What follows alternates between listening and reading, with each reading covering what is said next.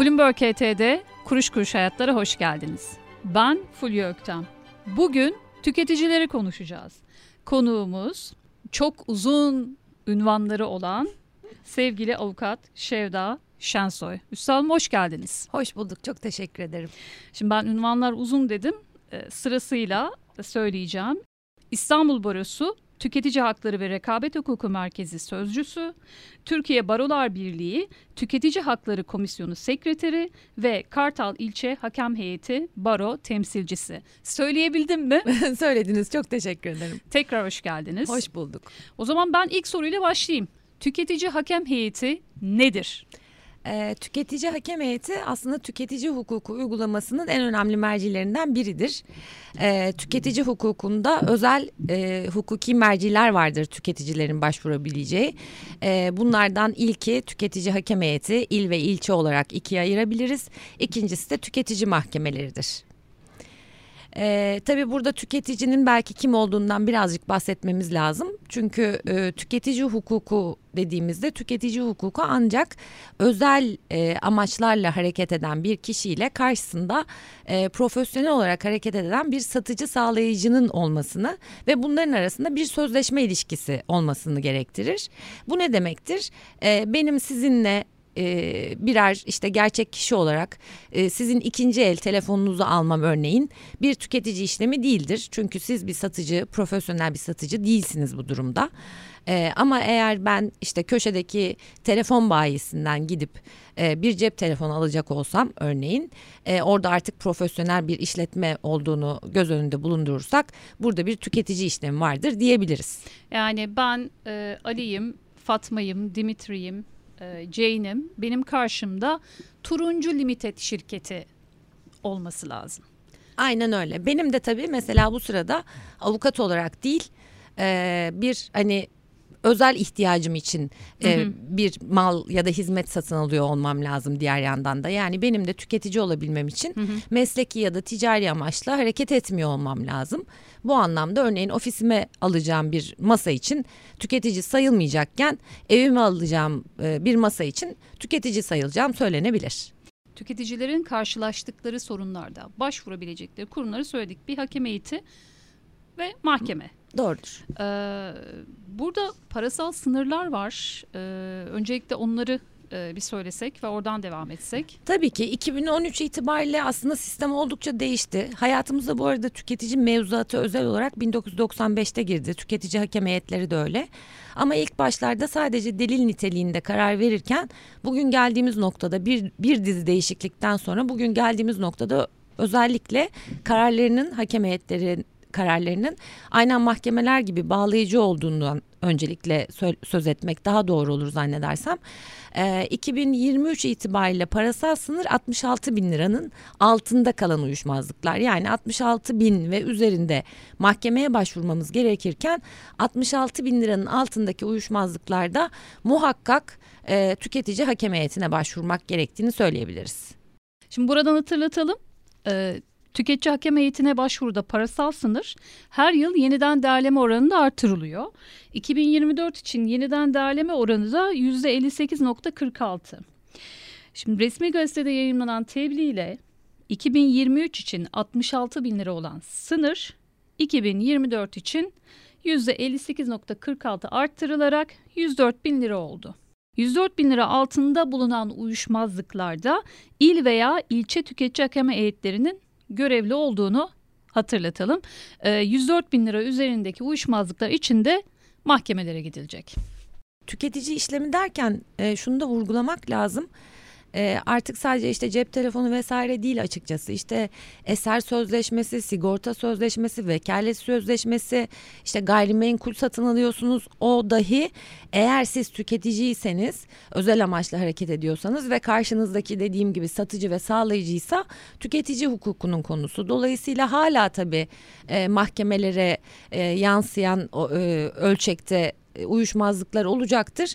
Ama tabii çok çok büyük bir kısmının hakem heyetlerinde çözüldüğünü söyleyebiliriz. Şimdi buradan anlıyoruz ki e, sadece elle tutulur gözle görülür şeyler için değil satın aldığımız hizmet içinde tüketici hakem heyetine başvuruyoruz. Evet bir avukatla ilişkiniz de vekalet ilişkisi de bir tüketici hukuku konusu olabilir. Bir sigorta şirketinden yaptırdığınız e, hayat sigortası da bir tüketici işlemidir. E, bir doktorla yaptığınız e, işte sözleşme de esasında tedavi e, sözleşmesi de bir tüketici sözleşmesidir. Tabii bu, burada hep hani detaylarına bakmamız gerekiyor. İşte sizin orada nasıl hareket ettiğinize, e, özel amaçla mı hareket ettiğinize, hı hı. kendi özel ihtiyaçlarınız için mi hareket ettiğinize yani tekrar tırnak içinde mesleki ya da ticari hareket etmiyor olmanız lazım hı hı. tüketici hı hı. sayılabilmek hı hı. için. Ama aklınıza gelebilecek her ilişki e, hem her türlü mal alımı hem de her türlü hizmet alımı e, tüketici hukukunun uygulaması içinde. Tüketici hakem heyetine başvururken izlememiz gereken yol nedir? E, tüketici hakem heyetlerine aslında başvuru da oldukça kolaylaştırılmış e, bir şekilde düzenlendi. Şöyle ki yani tüketici hakem heyetleri ilde il ticaret müdürlüğünün bünyesinde, ilçelerde ise kaymakamlıklar bünyesinde e, kuruldu. E, birazcık yapısından da belki bahsetmek gerekirse e, işte başkanlığını il ticaret müdürünün illerde, e, ilçelerde kaymakamın veya bunların görevlendirdiği memurun yaptığı e, ama aslında bağımsız bir heyet. Şöyle ki işte belediyeden bir temsilcinin, e, barodan bir temsilcinin, e, ticaret ve sanayi odasından veya duruma göre esnaf ve sanatkarlar odasından bir temsilcinin ve tüketici örgütü temsilcisinin bulunduğu bir bağımsız heyet esasında tüketici hakem heyeti. E, beş kişiden oluşuyor. Tabii e, Ticaret Bakanlığı'nın raportörlerinin de özellikle hani dosyaların hazırlanması ve e, başvuruların alınması, kaydedilmesi gibi e, görevleri söz konusu. Onlar da heyette bizlerle beraber görev alıyorlar. E, bundan sonra şunu diyebiliriz. Hem bu heyetlere fiziken başvuru mümkün hem de uzun süredir TÜBİS dediğimiz bizim tüketici bilgilendirme sistemi dediğimiz e-devlet üzerinden ulaşılması mümkün olan bir sistem üzerinden de başvuru yapılması mümkün. E, hatta posta yoluyla dahi başvuru yapılması mümkün ama ben hani mesela çok sağlıklı bulduğumu söyleyemem. E, niye diyecek olursanız işte bir tarafta bir başvuru formu var. O formu hani e, doldururken dahi e, en azından bir takım bilgileri daha sağlıklı verme e, ihtimali artıyor tüketicinin. Yine bir eksik varsa örneğin fiziki başvurduğunda tüketici hakem heyetinde onu teslim alan e, raportör arkadaşımız e, bir eksiği varsa gördüğü anda söyleyip hani tamamlattırma imkanına sahip. Çünkü ne yazık ki e, başvurularda yaşadığımız en büyük sıkıntı işte ya dilekçenin e, eksik olması, başvuru sahibinin kendi bilgilerini veya özellikle karşı tarafın bilgilerini eksik vermesi, işte ticaret ünvanına yer vermemesi, vergi numarasına yer vermemesi veya delillerini sunmamış olması. Örneğin e, bir şeyleri fotoğrafla e, diyelim ki ispatlayabilecekken o fotoğrafları dilekçesine eklememiş olması ya da faturasını eklememiş olması bunların hepsi tabi o dosyanın incelenmesini zorlaştıran kim zaman da imkansız kılan eksiklikler. Dolayısıyla e, fiziki olarak tabi başvurular o anlamda çok daha sağlıklı oluyor. Ama hani TÜBİS üzerinden de başvurmak ve oraya istediğiniz her türlü belgeyi eklemek de mümkün. E, bu nedenle oldukça aslında kolay olduğunu, kolayca yapılabileceğini söyleyebiliriz. Herhangi bir başvurma harcı yok e, gider avansı ödenmesi gerekmiyor. Mahkemede örneğin mahkemede de başvuru harcı yok tüketici mahkemelerinde ama hı hı. gider avansı ödenmesi gerekir mahkemeye gittiğinizde. Burada öyle bir durum yok. Tüketici mahkemelerinde aleyhe karar çıktığında e, karşı tarafa vekalet ücreti ödenmesi söz konusu, e, karşı tarafın yaptığı giderlerin de ödenmesi söz konusu olabilir. Oysa e, tüketici hakem bu da söz konusu değil. Eğer aleyhe bile çıksa oradaki masraflar e, hazine tarafından karşılanıyor. Hı hı. E, burada tabii vekalet ücreti yok. Yani karşı vekalet ücreti ödemesine gerek yok tüketicinin. Tüketicinin o başvuruda hata yapması bir hak kaybına yol açacak. Dolayısıyla tüketicinin bir avukatla temsil edilebilmesini sağlamak adına buradaki vekalet ücretine ilişkin düzenlemenin tek taraflı olması gerektiğini yani tüketici avukatla temsil edilip haklı çıktığında bir vekalet ücretine hükmedilmesi ancak tüketici haksız çıkarsa herhangi bir vekalet ücretiyle yükümlü olmaması gerektiğini düşünenlerdenim. E, aksi takdirde tüketicilerin e, tek başlarına kalmaları yani herhangi bir vekille temsil edilememeleri ve hak kaybına uğramaları söz konusu olabilir. Gerçekten önemli bir detay. Ee, peki tüketici hakem heyetine başvurduk, karar çıktı. Ee, bu kesin mi? Bundan sonra gideceğimiz başka bir yer var mı? E, itiraz e, merci tüketici mahkemesidir. Tüketici hakem heyeti kararlarına karşı. E, tekrar başta söylediğimizi vurgulayalım bu çok önemli. E, tüketici hakem heyeti kararı da aynen bir mahkeme kararı gibi bağlayıcıdır ve ilamlı icra dediğimiz icra takibine konu edilebilir. Yani aynen nasıl bir mahkeme kararı çıktığında onu icraya verdiğinizde e, ilamlı icra ta yolunu takip ediyorsanız aynı şekilde tüketici hakem heyeti kararı da ilamlı icraya konu edilebilir. Ancak tabii aleyhine karar çıkan taraf e, itiraz edecek. Tebliğinden hı hı. itibaren kararın 15 gün içinde tüketici mahkemesine itiraz edebilir. Bu itiraz kendiliğinden e, icrayı durdurmaz. Ancak hani mahkemenin tedbir kararı vermesi gerekir ama genellikle de e, tedbir kararı vermekte biraz muhafazakar davrandıklarını söyleyebilirim e, tüketici mahkemelerinin. E, tüketici mahkemesinin bu itirazı incelediğinde verdiği karar ise kesindir. Artık bundan sonra e, işte ne bölge adliye mahkemesi veya temiz gibi bir aşama söz konusu değildir. Hı hı. E, tedbir kararını da tüketici mahkemesi veriyor değil mi? Onun için başka evet. bir yere başvurulmuyor. Hayır. Yani o itiraz eden taraf itirazıyla beraber e, aynı zamanda icranın durdurulmasını talep edebilir. Bu çoğunlukla tüketicinin karşısındaki taraf tabii oluyor. Hı hı. E, ama pek de verildiğini şimdiye kadar görmedim diyebilirim. İcra devam ediyor. Muhafazakar davranmalarının sebebi, sebebi nedir sizce diye sorayım. Ee, onu tam bilmiyorum esasında. yani düşünüyorum ben de.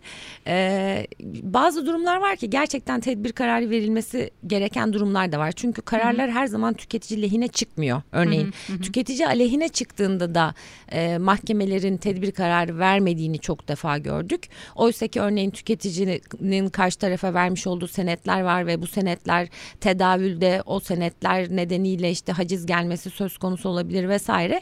Aslında ben bu kadar muhafazakar davranılmasını da zaten çok doğru bulmuyorum. Ee, üstelik mahkeme kararları çok daha hani e, işte yargılamadan geçmiş kararlara dahi siz işte itiraz ettiğinizde bölge adliye mahkemesi nezdinde ya da yargıtay nezdinde işte parasal sınırlara göre vesaire e, icranın durdurulması kararını alabiliyorsunuz belli bir teminat karşılığında. Dolayısıyla tabii ki her somut olaya göre aslında değerlendirilmesi gerektiğini düşünüyorum. Oradaki e, nedeni o yüzden hani kavramam e, çok kolay değil. Tüketici hakem heyetine başvururken e, parasal sınırı belirlemede problem oluyor mu? Ya mesela belirsiz alacak diye bir şey vardır ya burada da mesela böyle bir şey söz konusu mu?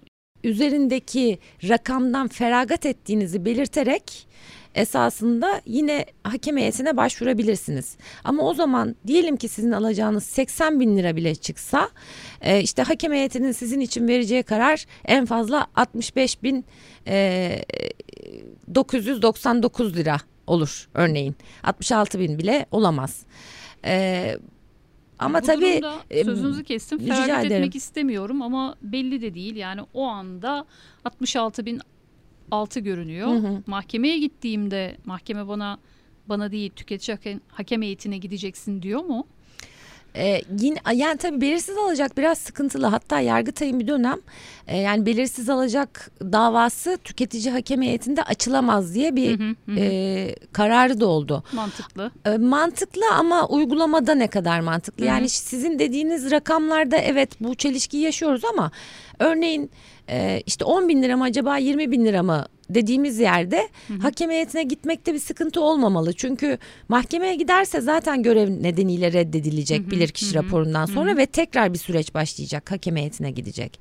O yüzden eğer yüksek olduğunu düşünüyorsanız yani benim tavsiyem ben olsam ne yapardım diye düşün, düşündüğümde ben mahkemeye başvururdum yüksek olduğunu düşündüğümde o sınırla çok yakın bir şey değilse o zaman hakem heyetine gitmek gitmeyi tercih ederdim. Çünkü aksi takdirde süreç çok uzayacak diğer tarafta. Peki e, başvuru sayısı yıldan yıla nasıl artıyor? İşte 2020'de ne kadardı? 2021'de ne kadar oldu? Yani en azından e, şey yoğunluğun ne kadar olduğunu görmek için bir rakam verebilir misiniz bize? Son yıllarda birbirinden çok çok farklı değil. Ee, yani çok o kadar fazla ki o yüzden farklı diliyorum aslında. Şimdi bir yandan da notlarıma baktığımda 2021 ile 2022 arasında neredeyse 100 bin lira 100 bine yakın bir e, başvuru e, sayısı farkı var. Hı hı. Ama biz hakem heyetlerinde böyle binlerce dosyaya alışkın olduğumuz için e, çok bir yandan da herhalde küçük göründü gözümüze. Çünkü hemen mesela istatistiklerden söylersem e, 2022'yi tabii şu anda söyleyebiliyorum. Hı hı. E, Ticaret Bakanlığı'nın verilerine göre başvuru sayısı 635 bin küsuratları söylemeyelim. Karar sayısı 601 bin. 2021'de de başvuru sayısı 538 binmiş. Hı hı. E tabii bu hani parasal sınırlar arttı. İl ilçe farkı kalktı. Bir miktar onun da etkisi olduğunu düşünüyorum. E, ve bu arada mesela parasal olarak baktığımızda da 2022 yılında başvuru parasal değeri e, bir buçuk milyar TL. Yani oldukça ciddi bir e, rakam. Evet. E, bunun yanı sıra aslında bunun yanında bence bir de mahkemelere bakmak lazım. Hı hı. Yani hakem heyetlerinin ne kadar aslında uygulamada e, tüketiciler açısından önemli olduğunu görmenin bir yolu da o. Baktığınızda tüketici mahkemelerine bu arada bu da 2021 ile 2022 hemen hemen aynıydı rakamlar sadece küsuratlar farklıydı onu da söyleyebilirim. 2022'de tüm Türkiye'deki tüketici mahkemelerine gelen dosya sayısı yani yeni dosya sayısı 70 bin. Devir bir önceki seneden kalan 69 bin yine yaklaşık 70 bin. E, dolayısıyla toplam dosya sayısı devirle birlikte 140 bin. E, karara bağlanan dosya yine 72 bin.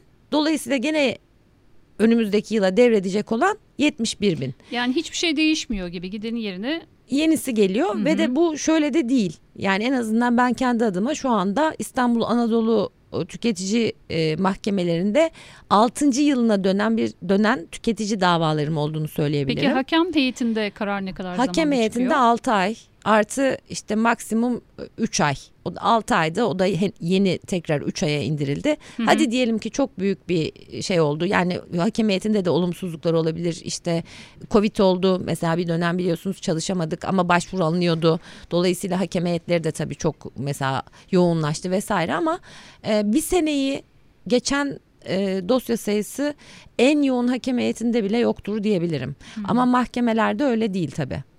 Peki bu e, ilçe ve il tüketici hakem heyetlerine e, başvuru ile ilgili şunu sormak istiyorum.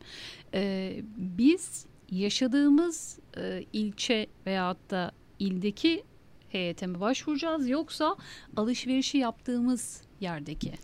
E, ikisi de yetkili tüketici mevzuatına hı hı. göre yani isterseniz yerleşim yerinizin ikametgahınızın bulunduğu yerde hı hı. E, isterseniz de işlemin yapıldığı yerde yani, yani işte Üsküdar'da satın alma. oturuyorum Beşiktaş'ta satın aldım Beşiktaş'ta da başvurabiliyorum Üsküdar'da da. Evet.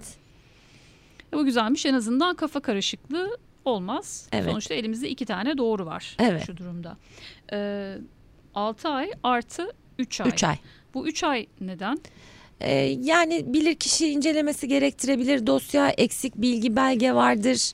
Ha, ee, de bilirkişi tabii, incelemesi oluyor. Tabii.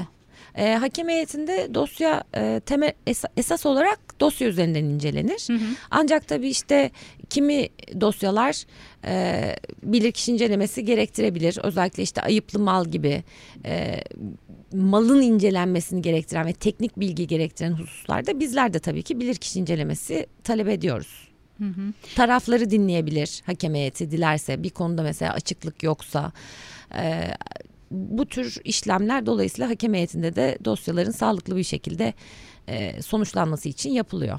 Şimdi pek çok e, uyuşmazda arabuluculuk e, zorunlu arabuluculuk olarak bildiğimiz e, uygulama e, geldi hakem heyetine başvurmadan önce bizim arabulucuya gitmemize gerek var mı? Hayır yok. Bir diğer avantajı da bu. Ama Peki, mahkemeye, mahkemeye gitmeden önce tabii e, başvurmamız gerekiyor maalesef. Peki arabulucuda anlaşabiliyor mu insanlar? Hiç görmedim tüketicide. E, yani şöyle ben arabulucuyum aynı zamanda.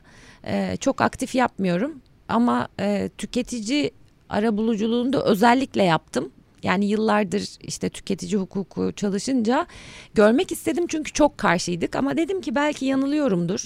Hı-hı. Hakikaten belki iyi bir şey olur. Ama bir süre yaptıktan sonra zaten o arabuluculuk e, kaydımı tamamen kapattım. Çünkü yine tüketicinin hani avukatı yok. Yine tüketici tek başına. Ee, yine siz tüketici ile satıcı sağlayıcı arasında iletişimi kurmakta arabulucu olarak da çok zorlanıyorsunuz.